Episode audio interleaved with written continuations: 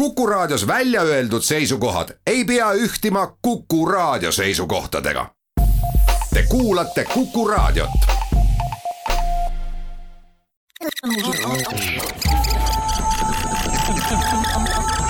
digitund. digitund. digitunni tulevikulahendused ja 5G toob sinuni Telia tere, head kuulajad, käes on seitsmeteistkümnes mai ja me oleme Digitunniga teiega koos, et rääkida nüüd järgneva tunni jooksul tehnoloogiamaailma sündmustest ja uudistest. mina olen Hans Lõugas, Henrik Roonemaa on teine saatejuht ja meil on tulemas saatesse ka üks külaline. aga räägime kõigepealt sellest, et Eesti avas siis digitaalsed väravad vist kõige suuremale eagrupile vaktsineerimiseks. ja korraks äh, muljetame, et kuidas see läks kui meil on siin minevikus olnud juttu internetiühendustest ja 4G-st ja 5G-st ja, ja fiiberoptilisest kaablist, siis äh, päris mitu inimest on meile kirjutanud äh, sõnumiga, et äh, mis te oma kaablijuttu ikka ajate, kohe tuleb Elon Musk'i kosmoseinternet, katab kogu maakera ja need probleemid on igaveseks minevik. Meil on esimesed testid, mitte küll ise tehtud, vaid Ameerikast saame vahendada esimesi kasutaja muljeid ja teste, et kuidas siis see teenus päriselt ka on siis räägime saates pikemalt sellest, äh, miks krüptolunavara hullus on, on nii ohtlik ja paneb inimesed, äh, ajab paanikasse ja pani ameeriklased seisma bensiinijaamades järjekordades ja kuidas äh, ikka ja sama reha otsa nagu kogu aeg astutakse ja meil on selleks saatesse tulemas üks asjatundja. digitund, digitund, digitund.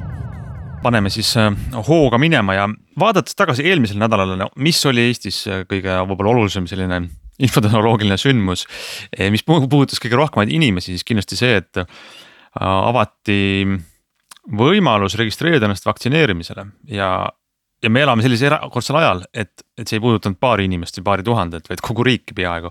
Need, kes ei olnud vanemad eagrupid, vaid just siis neljakümnesed ja kolmekümnesed. ja mis tähendas, et noh, pea kogu riigi need eagrupid, need inimesed, äh, väga suur hulk, äh, endal oli huvi minna, avada digiregistratuuri leht, otsida sealt aega ja mm, panna endale kiri, kirja broneeri-, broneerida vaktsineerimise aeg. ja küsimus on, kuidas äh, siis tagasi vaadates see asi õnnestus.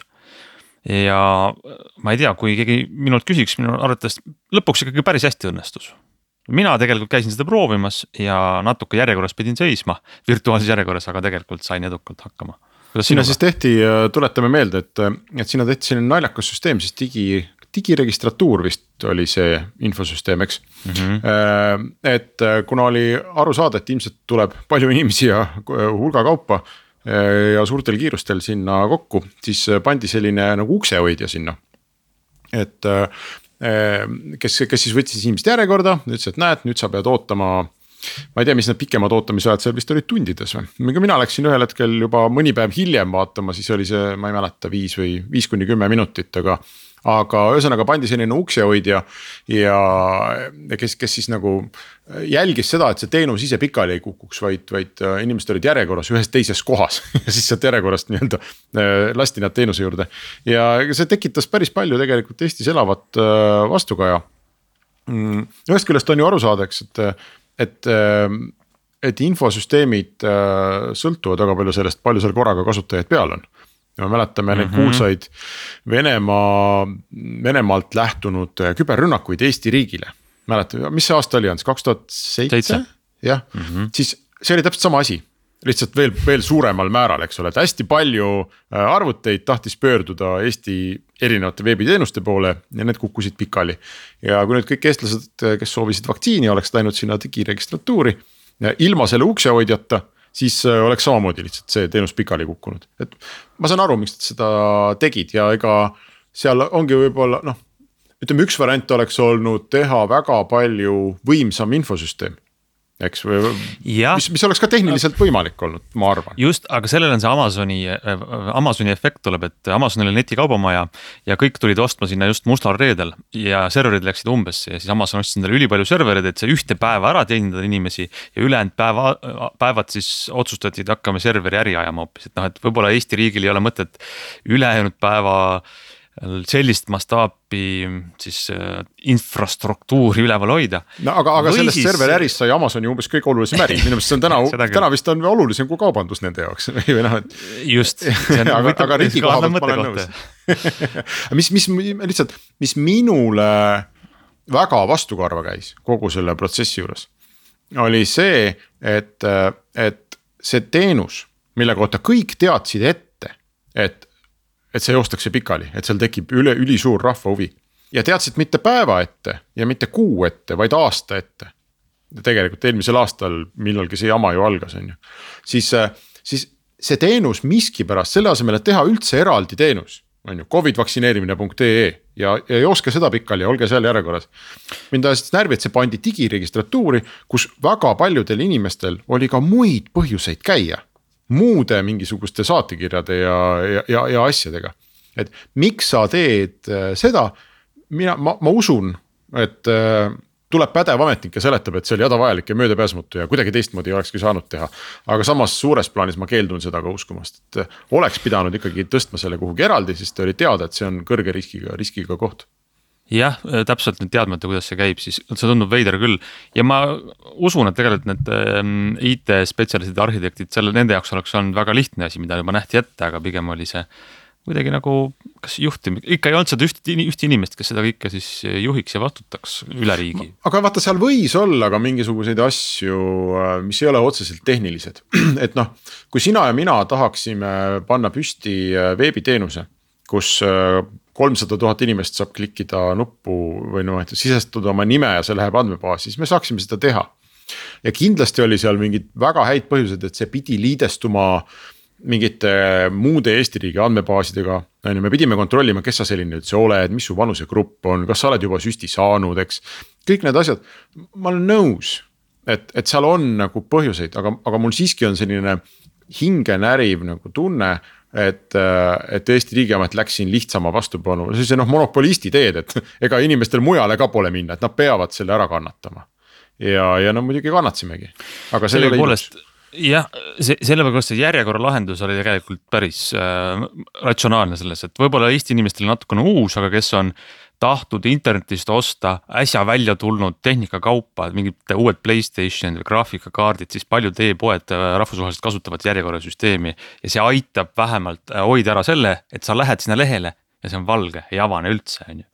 et lihtsalt nagu jääd plank, plangi lehe ette seisma, vaid sa näed vähemalt, et tunni aja pärast on sinu kord. nii et selles mõttes see asi minu arvates töötas jah, aga no lihtsalt kõik, kõik munad pandi ühte korvi, et, et sõltumata sellest, kas sa tahtsid, eks ole, broneerida, ma ei tea, kardioloogi aega endale või sa tahtsid siis nagu kõik inimesed seda Covidi asja saada, et noh, kõik pidid ootama ja äh, noh, peale selle, et riik on ratsionaalne, võiks ta ka oma kodanikega kenasti käituda, aga teeme siia pausi ja siis läheme teiste teemade juurde.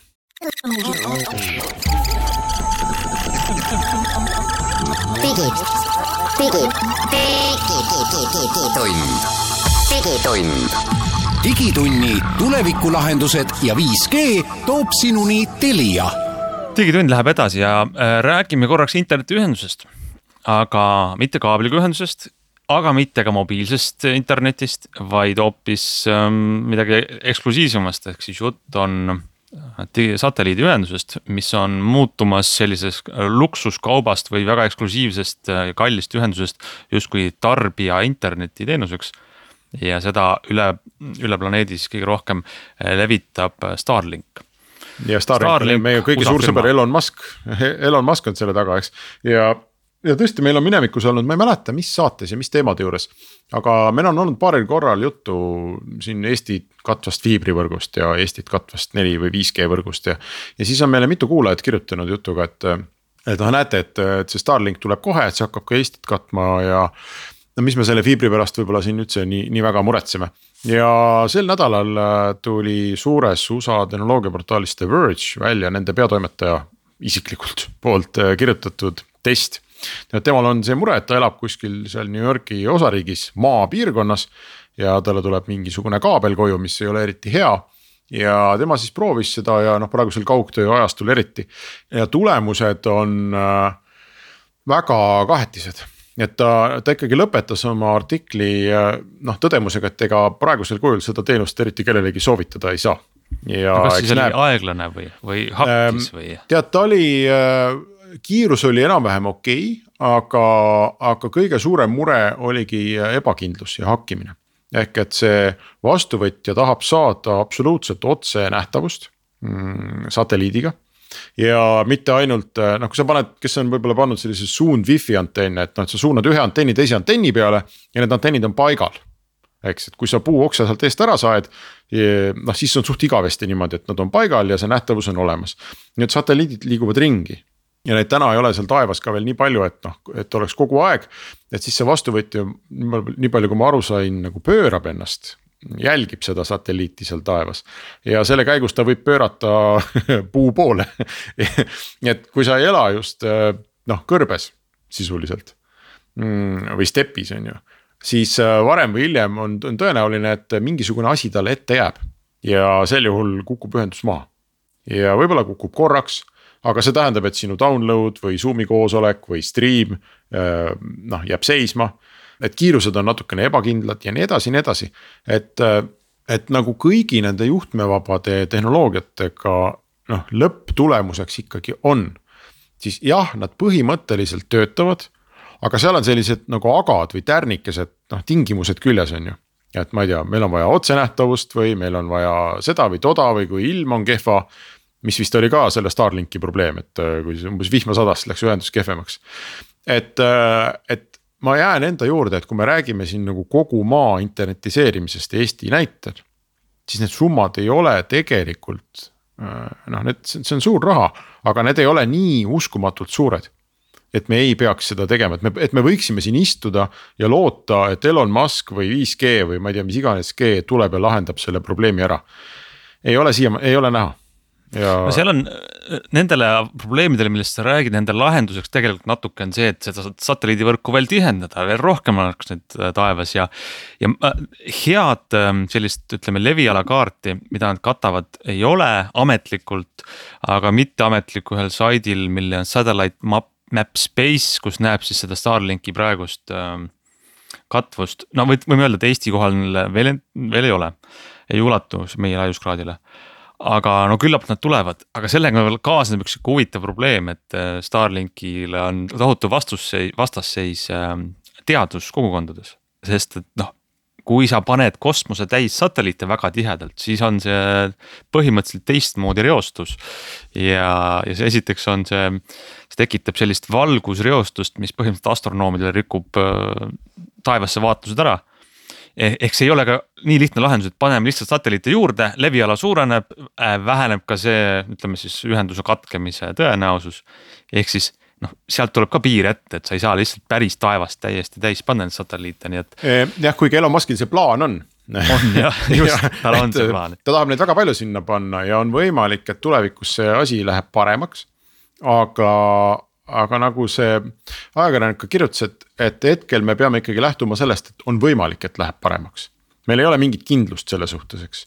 ja meil ei ole tegelikult ka mingit kindlust selle suhtes, et kui sa ikkagi armastad elada noh, metsasalukese sees nagu eestlased. kindlasti väga armastavad, palju rohkem kui kuskil lageda peal et siis see sinu probleeme kuidagi suuresti lahendaks. noh, üks variant on viia see vastuvõtja puudest kõrgemale, aga ka see on kulu, on ju, ka see on tegelikult nagu paras ettevõtmine ja probleem, nii et. et ja, et mina arvan, et kui me siin nagu vähegi suudame ennast Eestis kokku võtta me peaks nagu kibekiiresti liigutama ennast selle poole, et see õnnetu fiiber saaks, saaks ära nagu viidud majadesse ja me ei peaks oma, oma peakesi vaevama selliste küsimustega jah, ja Eesti geograafia on nagu selline tegelikult, et sa ei ole kunagi tuhandete kilomeetrite kaugusel või isegi tuhande või viiesaja kilomeetri kaugusel asustatud punktist, nii et äh, meil kaabliga ühenduse tegemine ei ole võib-olla noh, ma on küll öeldakse, on kallis ja ma tean inimesi, kes on saanud koju omale pakkumise kümne ja, ja viieteist tuhande euro eest, et tuua fiiberoptika. aga, aga tegelikult ei tohiks see nii kallis olla.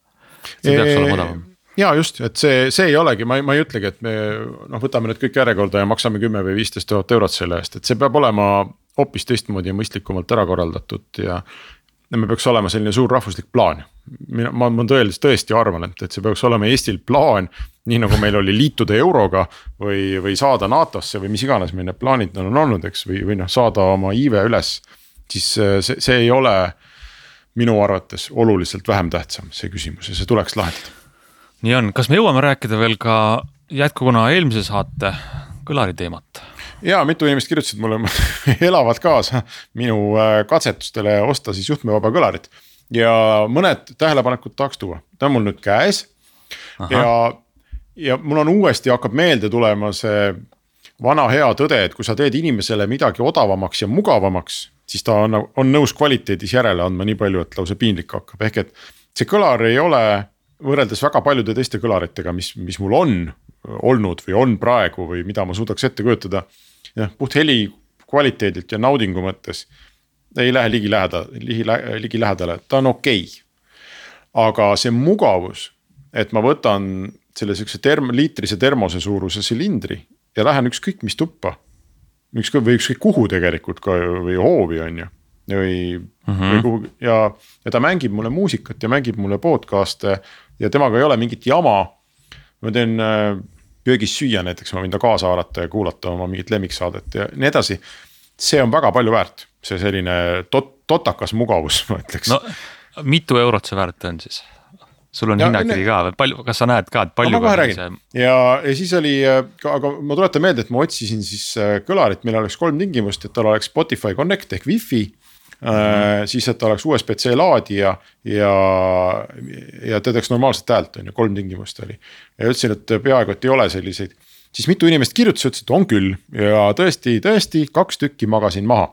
Äh, üks nendest on Sonos, ütleme noh, kolm võib-olla magasin maha, üks on Sonos Roam aga see on väike ja see ei tee nagu väga head häält, ta on okei okay,, aga on paremaid. siis on olemas Sonos Move, mis on sellest minu äh, Megablastist suurem pa. palju, tõenäoliselt ma ei ole kuulnud, aga kõik kohad ütlevad, et palju parema heliga, äh, aga ja tal on kõik need asjad, tal on wifi ja tal on USB-C ja, ja tal on juhtmete laadimise alus karbis kaasas ja väga peen värk on. aga ta kaalub kolm kilo ja on päris suur. no see on ikka nagu väike Hunteli panna. minu oma kaalub üks koma kaks ja on liitrise termose suurune, ehk mm -hmm. ähm, kui ma otsiks natukene statsionaarsemat sellist asja, siis ma arvan, et see Sonos Move on, on tõenäoliselt palju-palju parem kui see Megablast, mida, mida ma siin praegu vaatan. ja, ja teine on äh, Bose portable home speaker mm, mis on umbes sama suur ja umbes sama raske kui see minu termos, aga, ja ka USB-C-ga aga temal oli vist see probleem, et ta ei ole nii veekindel, et ma selle enda oma võin, ma enda oma võin panna pooleks tunniks vee alla või noh, jätta ununeb õhtul grillpeo käigus vihma kätte on ju, et midagi ei juhtu. nii et ja, ja need mõlemad, kusjuures on umbes nelisada eurot, nii see Sonos kui Bose ja, ja see Megablast oli vist kakssada, kakssada viiskümmend kuni kolmsada, nii et hinnavahe on ka nagu suur no saimegi mugavuse hinna teada, et see on seal kolmesaja euro. aga see, ega saja, ega sajaga saab ka neid äh, selliseid termosid ja, ja nii et. siis sa annad täitsa... selle heli kvaliteedis järgi. no siis annad, see on väiksem lihtsalt jah, aga et olgu öeldud, et on, on tõesti on kaks konkurenti, mida saab ka osta. aga me läheme siit pausile ja siis jätkame küberturvalisuse teemadega.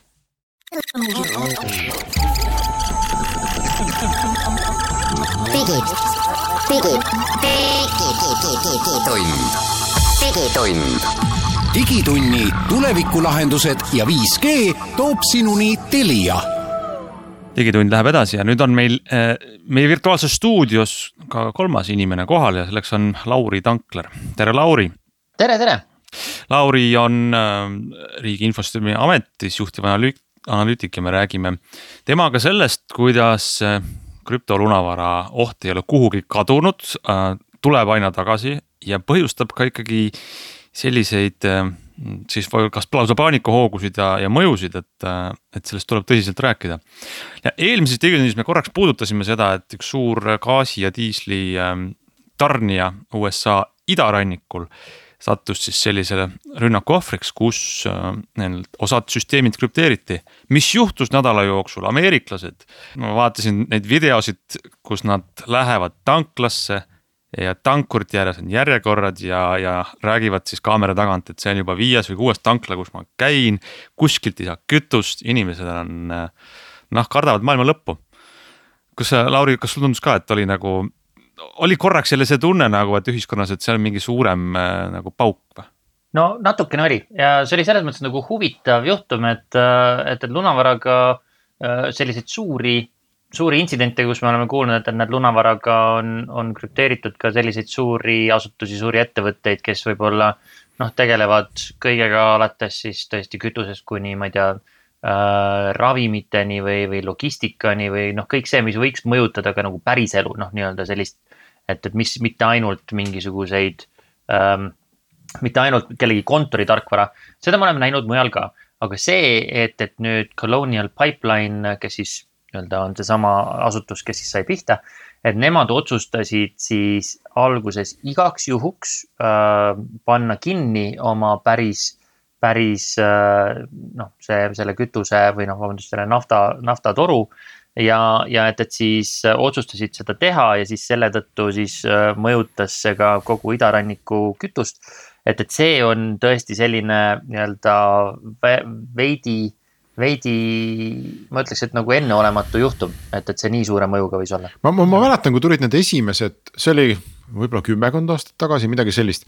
kui tulid esimesed uudised, noh, see oli selle kohta, et oi, et kas tõesti, et häkkerid äh, võiksid näiteks maha võtta äh, elektrijaama. ja oli see kas Gruusias või kuskil nad seda tegidki, eks ole, ja, ja Ukraina, jah, kuskil jah meie lähedal, ühesõnaga ja siis oli hästi suur, et ohohoo, et noh, mis nüüd saab, on ju, et, et me oleme harjunud, et häkkerid noh. võivad siin, ma ei tea, sinu arvutist mingeid faile kustutada, aga see, et keegi võib nagu surma saada näiteks sellepärast. et noh, seda me küll ette ei kujuta, et nüüd on maailma lõpp ja see ja. oli ju, see USA-s praegu oli väga lähedal selle, noh, oleks talv olnud Ehm, no ja no, tõsi, tõsi ta on, eks ju, ja, ja oleks talv olnud, siis oleks võib-olla tegelikult teinud ka Colonial Pipeline natuke teistsuguse otsuse. Tegelikult, äh, mida meie oleme nagu tagantjärgi teada saanud ja, ja noh, ma ütlen ausalt, et äh, kuigi me siin Riigi Infosüsteemide Ametis äh,. riigi Infosüsteemi Ametis üldiselt nagu jälgime seda teemat täpselt samamoodi, et, et äh, läbi meedia ühtepidi ja siis läbi meie partnerite, kes Ameerika Ühendriikidest noh, on teinud ka meile väikseid ülevaateid, siis nad ei ole väga detailidesse laskunud. et, et äh, see on tegelikult oli lihtsalt üks, üks lunavara juhtum, eks ju, ja sellel ei olnud midagi, midagi tegelikult nagu väga keerulist ei olnud.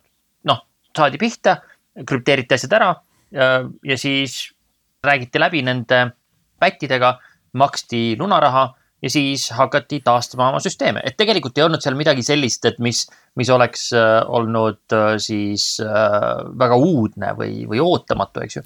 aga, aga et, et see, see, see, et, et nemad otsustasid selle ikkagi oma süsteemi kinni panna. ma arvan, et kui oleks talv olnud, kui, kui oleks olnud väga kriitiline see teema ja kui nad ei, kui nad oleksid teadnud, et, et seal ei ole mingit alternatiivi et, et siis oleks olnud tegelikult lugu teine ja nad ei oleks seda kinni pannud. no ilmselt eriline on ju see, et kes pihta sai ja see, kui me korraks viime juttu sinna pealt, kes selle taga oli, siis äh, päris selline huvitav, mm, kuidas öelda, äh, etteaste oli grupeeringul Darkside, keda siis kahtlustatakse, kes selle taga on ja, ja ütlesid, et tegid siis avalduse, et nad kahetsevad, et nad tekitasid ühiskonnale probleeme ja nad soovisid ainult raha teenida. Ehk siis äh, ma ei mäleta, et nad oleks öelnud, et me kahetseme, nad üt-, vist ütlesid ainult, et, et me ei taha ühiskonnale probleeme. just, see on, ütleme Financial Timesi pealkiri, ütleme, me ei taha probleeme, oli tsitaat, aga siis oli parafraas, et me kahetseme, et me tekitasime ühiskonnale probleeme, no ühesõnaga, see oli nagu ka üllatus äh, vist nendele ründajatele endale ka, et see tegelikult pani elu seisma. Ja eelmisel aastal juhtus üks sarnane juhtum tegelikult äh, Saksamaal, kus äh, häkkerid ründasid äh, enda teada ühte ülikooli.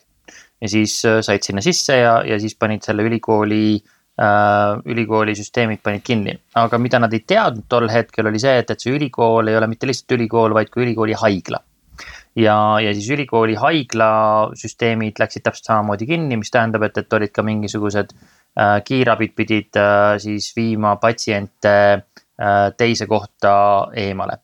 Ja, ja noh, sellest hetkest, see oli eelmise aasta septembrikuus äh,. sellest oli siis ka esimest korda selline, sellised uudislood, et, et näed, esimene inimene sai surma selle tõttu, et, et inimene, kes, kes, äh, kes äh, oleks pidanud sinna haiglasse minema ja, ja saadeti teise haiglasse kümmekond kilomeetrit ja kolmkümmend minutit eemal, siis, äh, siis suri sellel tee peal, eks ju.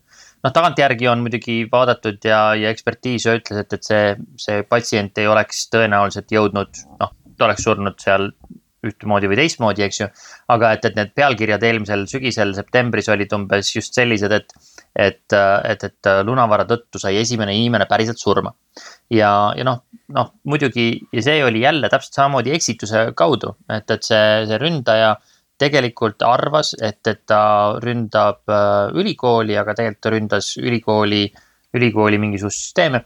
häkkerite jaoks ei ole seal suurt vahet, nad guugeldavad ja teevad taustauuringuid natukene muidugi. ehk siis teada saada, kelle, kelle kallal võiks rohkem aega veeta või, või, või milliseid süsteeme pikemalt äh, seal nagu äh, teha. aga, aga ega tegelikult noh, kui sa võtad maha mingisuguse suurettevõtte näiteks. No kujuta ette, et sa jõuad mingisuguse suure kütusefirma näiteks Shelli mingisugusesse peakorteri, kontor, kontorisse, eks ju et sa elu sees ei arva seda, et, et kui sa võtad Shelli peakontori mingisugused äh, süsteemid maha, et siis selle tõttu jääb nüüd kütus tarnimata kuskile, eks ju, või, või nafta puurimata, eks ju. ma arvan, et see Coloniali puhul oli umbes samasugune suhtumine, et, et noh, me, me siin nagu ründame neid, kellel on võimalik maksta ja et, et äh, saame sealt ka veel kätte andmeid, mida me saame avalikustada juhul, kui nad otsustavad mitte maksta aga nad maksid, eks, see nii palju me täna noh, pressiteadet ei ole olnud, aga ma saan aru, et me oleme aru saanud, et nad maksid. ja pressiteadet ei ole olnud, me oleme aru saanud, et nad on maksnud ja see maksesumma oli äh, nii palju, kui me oleme teada saanud küll avalike meediaallikate kaudu, sest noh, nad ise ei ole midagi öelnud äh,, et, et oli umbes viis miljonit dollarit. ja see liikus Bitcoinides ja kellegi kontole, keda on seostatud Venemaaga ja äh, siin on veel huvitav nähtus see, et, et kuna see sai niivõrd palju tähelepanu, siis, siis on ka hulk küberturvalisuse äh, ettevõtteid ja selliseid uurijaid äh, võtnud ka selle tarkside'i ja selle raha liikumise ka endal äh, väga selgelt äh, tähelepanu alla. nii et, et äh, otsiti üles ja leiti isegi see Bitcoini konto ülesse, kuhu, kuhu siis raha saadeti ja sealt äh, tule, tuli välja, et, et äh, sellel äh, võib-olla pool või kolmveerand aastat tegutsenud rühmitusel, see Darkside, mida sa nimetasid, Hans. et, äh, et, et temal, neil on siis äh, äh, olnud lausa päris edukas aasta. et vist seitseteist miljonit on nad äh, kokku kogunud ja sellest siis viis miljonit, nagu ma aru sain, oli siis see Colonial ja veel viis miljonit tuli siis ühelt Saksamaa kemikaalide firmalt kelle, kellel ka nad äh, siis äh, nii-öelda saad, said äh, sealt lunaraha kätte ja, ja noh, see on, see on nagu päris hea saak sellisel, sellisel väiksel algaval asutusel või organisatsioonil. teeme siia pausi ja siis vaatame veel sügavamalt selle maailma sisse.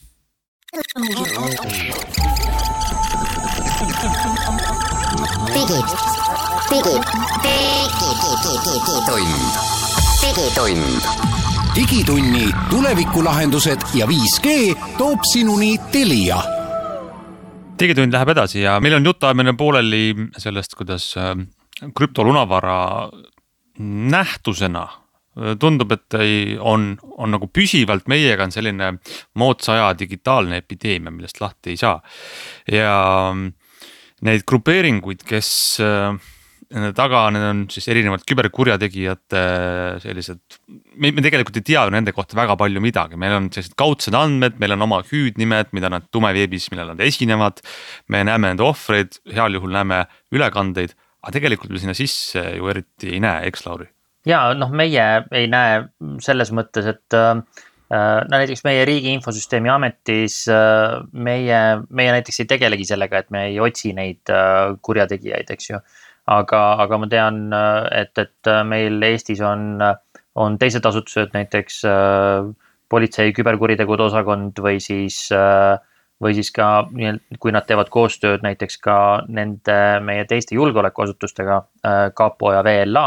et, et tihtipeale on need, on need rühmitused, kes siis lunavaraga tegutsevad, ei pruugi üldse olla Äh, ainult siis kuritegelikud, vaid võivad olla ka siis mingisuguse riigi, riikliku taustaga, et, et teatavasti ka Põhja-Korea, äh, Põhja-Korea taustast on tulnud äh, hulk selliseid Põhja-Korea valitsusega seotud punte, kes siis nagu üritavad natukene Põhja-Korea riigieelarvet täita.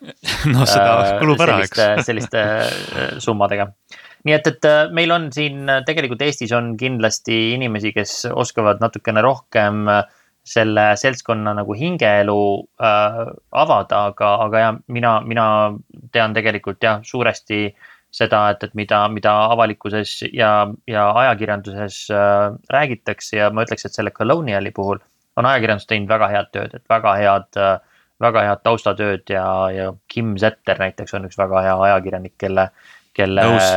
Kirjutan alla. kelle asju võiks lugeda, kui sellest tahetakse okay. rohkem teada saada. aga, aga mul oleks nagu huvi see küsimus praegu natuke laiemaks tõmmata, minu meelest see piir et kas tegemist on äh, noh äh, grupi selliste vene aktiivsete noorte internetihuvilistega äh, kes, kes tegutsevad ise või noh, kas seal on mingisugune valitsuse, ma ei tea, aktiivne või passiivne heakskiit, on ju, või noh, et. või, või kas, kui sel puhul ei ole, et kas mõnel teisel puhul on, et see on kõik nii raske ja, ja noh, tihtipeale võimatu ja meil on olnud minevikus ka olnud suuri küberrünnakuid kus äh, noh, uurijate jäljed on viinud täiesti konkreetsete mingisuguste GRU inimesteni välja, on ju, kelle nimed ja fotod on, on hiljem internetis liigelnud. ja noh, selle koha peale see või siis ka Iraani või Põhja-Korea näiteks puhul on ju samamoodi. ja, ja siis alati need äh, asjaomased riigid ütlevad, et äh, mis jama see on, me ei tea, millest te räägite, et me ei ole üldse kuidagi seotud äh, ja noh, tõestada on väga raske. Kas te näete sellist nagu ohtu, et see mingil hetkel nagu võibki minna noh, reaalselt nagu riikidevaheliseks äh, aktiivseks konfliktiks üle, et äh, et noh, ma ei tea, Joe Biden helistab Putinile, ütleb, et kuule, anna välja need Darkseidi vennad, et meil oli pool riiki ilma naftata, on ju, ja Putin ütleb, et loll jutt, mis sa räägid, nagu me ei tea mitte midagi ja me ei tee koostööd. ja see läheb nagu järjest hullemaks, mis, kas siin on nagu mingi lahendus või see lähebki lõpuks mingite tankide peale välja? Ja mulle tundub, et, et äh, sul on võib-olla ka natukene äh, romantiline arusaam sellest, et milline see küberkonflikt äh, omavahel hakkab olema, et, et kes nad seal omavahel helistavad ja umbes niimoodi, et, et tegelikult tõenäoliselt on see palju. Äh, ühtepidi on seda palju rohkem juba tehtud, eks ju, et, et noh, riigid luuravadki näiteks üksteise järel ainult läbi küberi, mitte ainult, noh, nii-öelda suuresti läbi küberi tänapäeval, eks ju.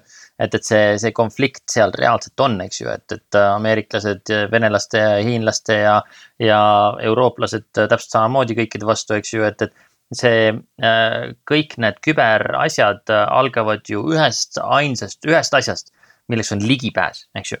Kui sa saad ligi mingisugusele süsteemile, olgu see siis ähm, kellegi kontor, olgu see siis kellegi, ma ei tea, ministeerium, olgu see siis mingisugune kellegi lihtsalt arvuti, siis või, või kasvõi nii-öelda seesama see elektrivõrgustik näiteks, eks ju, mis, äh, mis siis selle Ukrainas ka nagu juhtus, eks ju.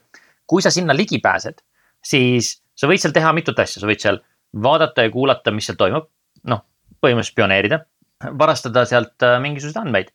Noh, kas siis äh, tõepoolest äh, majandusliku spionaaži või, või mingisuguse muu asja tõttu, eks ju, näiteks tahad, tahad lunaraha küsida mitte nii-öelda lunavara tõttu, vaid lunaraha küsida, et umbes niimoodi, et andke mulle raha, muidu ma paljastan, et, et mis teil siin tegelikult nii-öelda teie majas üldse toimub, eks ju.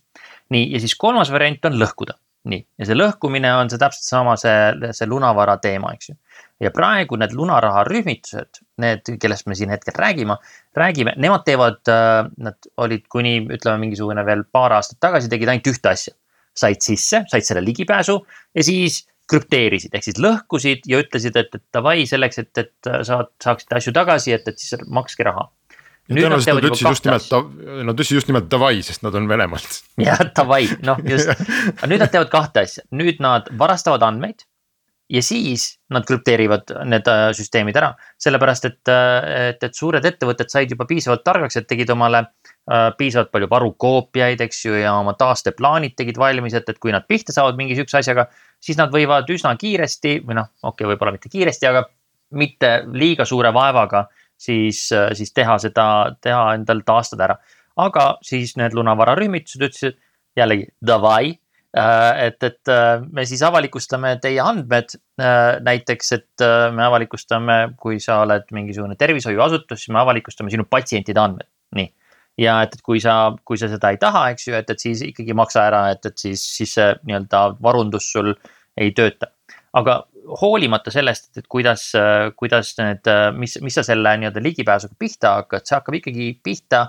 see hakkab, kõik algab ligipääsust ja et, et seda, kuidas erinevad riigid või riikides tegutsevad mingisugused kuritegelikud grupeeringud ja enamasti nad ei ole ühes riigis, nad on ka mitme riigi peale kokku, eks ju, saavad täpselt samamoodi seal tumeveebi foorumites kokku. üks pakub ligipääsu, see on ka see, mida nimetatakse ransomware as a service. et üks pakub äh, phishing nii-öelda linkidega ligipääsu, teine korjab kokku üle maailma nendest võrkudest haavatavad seadmed, kuhu oleks võimalik ligi pääseda. kolmas pakub teenust, et kuulge, et ma võin teid sinna ligipääse nagu viia, aga mina rohkem ei tee, eks ju ja siis neljas ütleb, et, et davai, et, et äh, nüüd on siin meil üks uut sorti äh, lunavara äh, pakett, eks ju, mille teie saate vaadata ja kasutada ise. aga te peate kõikidest oma tuludest kümme prossa meile maksma, sest, äh, sest meie töötasime selle lunavara välja ja me tahame siit midagi saada. nii et, et siin ei ole väga konkreetset sihukest head äh, lahendust, et nüüd kas, kas tõesti üks, ühes riigis asuv ühe riigi kodanik, kellel on seo-, seosed selle riigi mingisuguse eriteenistusega oleks kohe kuidagiviisi nii-öelda kättesaadavad selle koha pealt. ei, seda ma ei mõtle, aga, aga vaata, aga need, aga need ründed ikkagi põhiliselt tulevadki ju tõesti nagu riikidest nagu Iraan ja Põhja-Korea on ju, midagi tuleb võib-olla Hiinast, kuigi seda tüüpi võib-olla vähem ja, ja Venemaa ja, ja need ja need kõik riigid on sellised, mis ei anna oma kodanikke noh, peaaegu üldse või üldse mitte ei annagi välja, eks. et noh, normaalne nagu tsiviliseeritud maailma lahendus oleks see, et noh, et kui mina hakkaks näiteks Tallinnast sellise jamaga tegelema. siis ma võin suht kindel olla, et Eesti võimud noh, kui ma ikka väga edu, edukalt tegeleks, et nad hakkavad mind otsima ja, ja, ja noh, tõenäoliselt kahjuks või õnneks leiavad ka üles ja mul pannakse käed raudu. nüüd meil on, meil on hulk riike, mis seda ei tee ja minu nagu see küsimus ongi suunatud sellele, et kui nad nagu järjekindlalt ei tee ja, ja muudkui teevad nagu kahju ja see kahju läheb nii absurdselt suureks juba. et noh, et, et me võib-olla nagu oleme sunnitud pealt vaatama, kuidas kehtestatakse hoopis mingisugused muud moodi nagu sanktsioone siis selliste asjade eest või. no et, et noh, Vladimir, otsi oma vargad üles või muidu see on, see on olnud meil äh, kahtlemata öö, probleem Eestis ka. ma arvan, et, et prokuratuur võib ka nii-öelda võib ka rääkida sellest, et kuidas, kuidas tõepoolest äh, või Europol äh, võib rääkida sellest, et kuidas on nagu.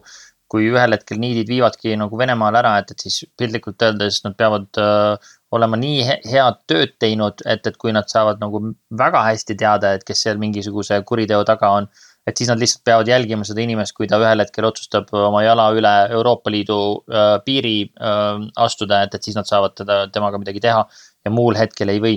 aga see tegelikult viib ka teise suunda, eks ju. et see tähendab ka seda, et, et need ameeriklased või prantslased või, või eestlased, kes tahavad tegeleda äh, lunavaraga ja kes oskavad tegeleda lunavaraga või pahavaraga siis äh, nemad äh, nii-öelda, nad ei tegele sellega, nad võivad tegeleda sellega omaenda kodus, omaenda riigis aga oma raha pesemiseks äh, lähevad nad ikkagi Venemaale ja, ja saadavad sellistesse kohtadesse, kus, kus neil on see, see nii-öelda vähem karm süsteem või parem võimalus raha pesta. ja selle jaoks on täpselt samamoodi oma teenused, eks ju. Ja ma arvan üsna, ma ütleks, et, et ma ei, ei alahindaks ameeriklaste ja, ja ma ei tea, brasiillaste ja, ja võib-olla mingisuguste äh, Äh, lõuna-aafriklaste oskust äh, või võimekust äh, lunavaraga raha teenida. et, et see on neil täiesti olemas ja see, et, et meieni jõuavad võib-olla mingisugused suuremad teemad just nimelt vene keelt rääkivate pahavara ja lunavara operaatoritelt. see võib olla noh, võib-olla natuke kokkusattumus võib ju juhtuda jah, jah. Tegemist on suure meediakampaaniaga aga, aga selge, meie saateaeg on läbi, aitäh, Lauri ja Äh, ma arvan, me kutsume sind tagasi siis, kui meil äh, Eestis ühel hetkel pool, pool riiki krüptolunavaraga maas on. Ja ma arvan, et see juhtub millalgi. Teeme ma, nii, muidugi. ma ei tee illusioone aga Digitund on tagasi nädala aja pärast, kui meid vahepeal ära ei krüpteerita ja me räägime jälle äh, uutel teemadel.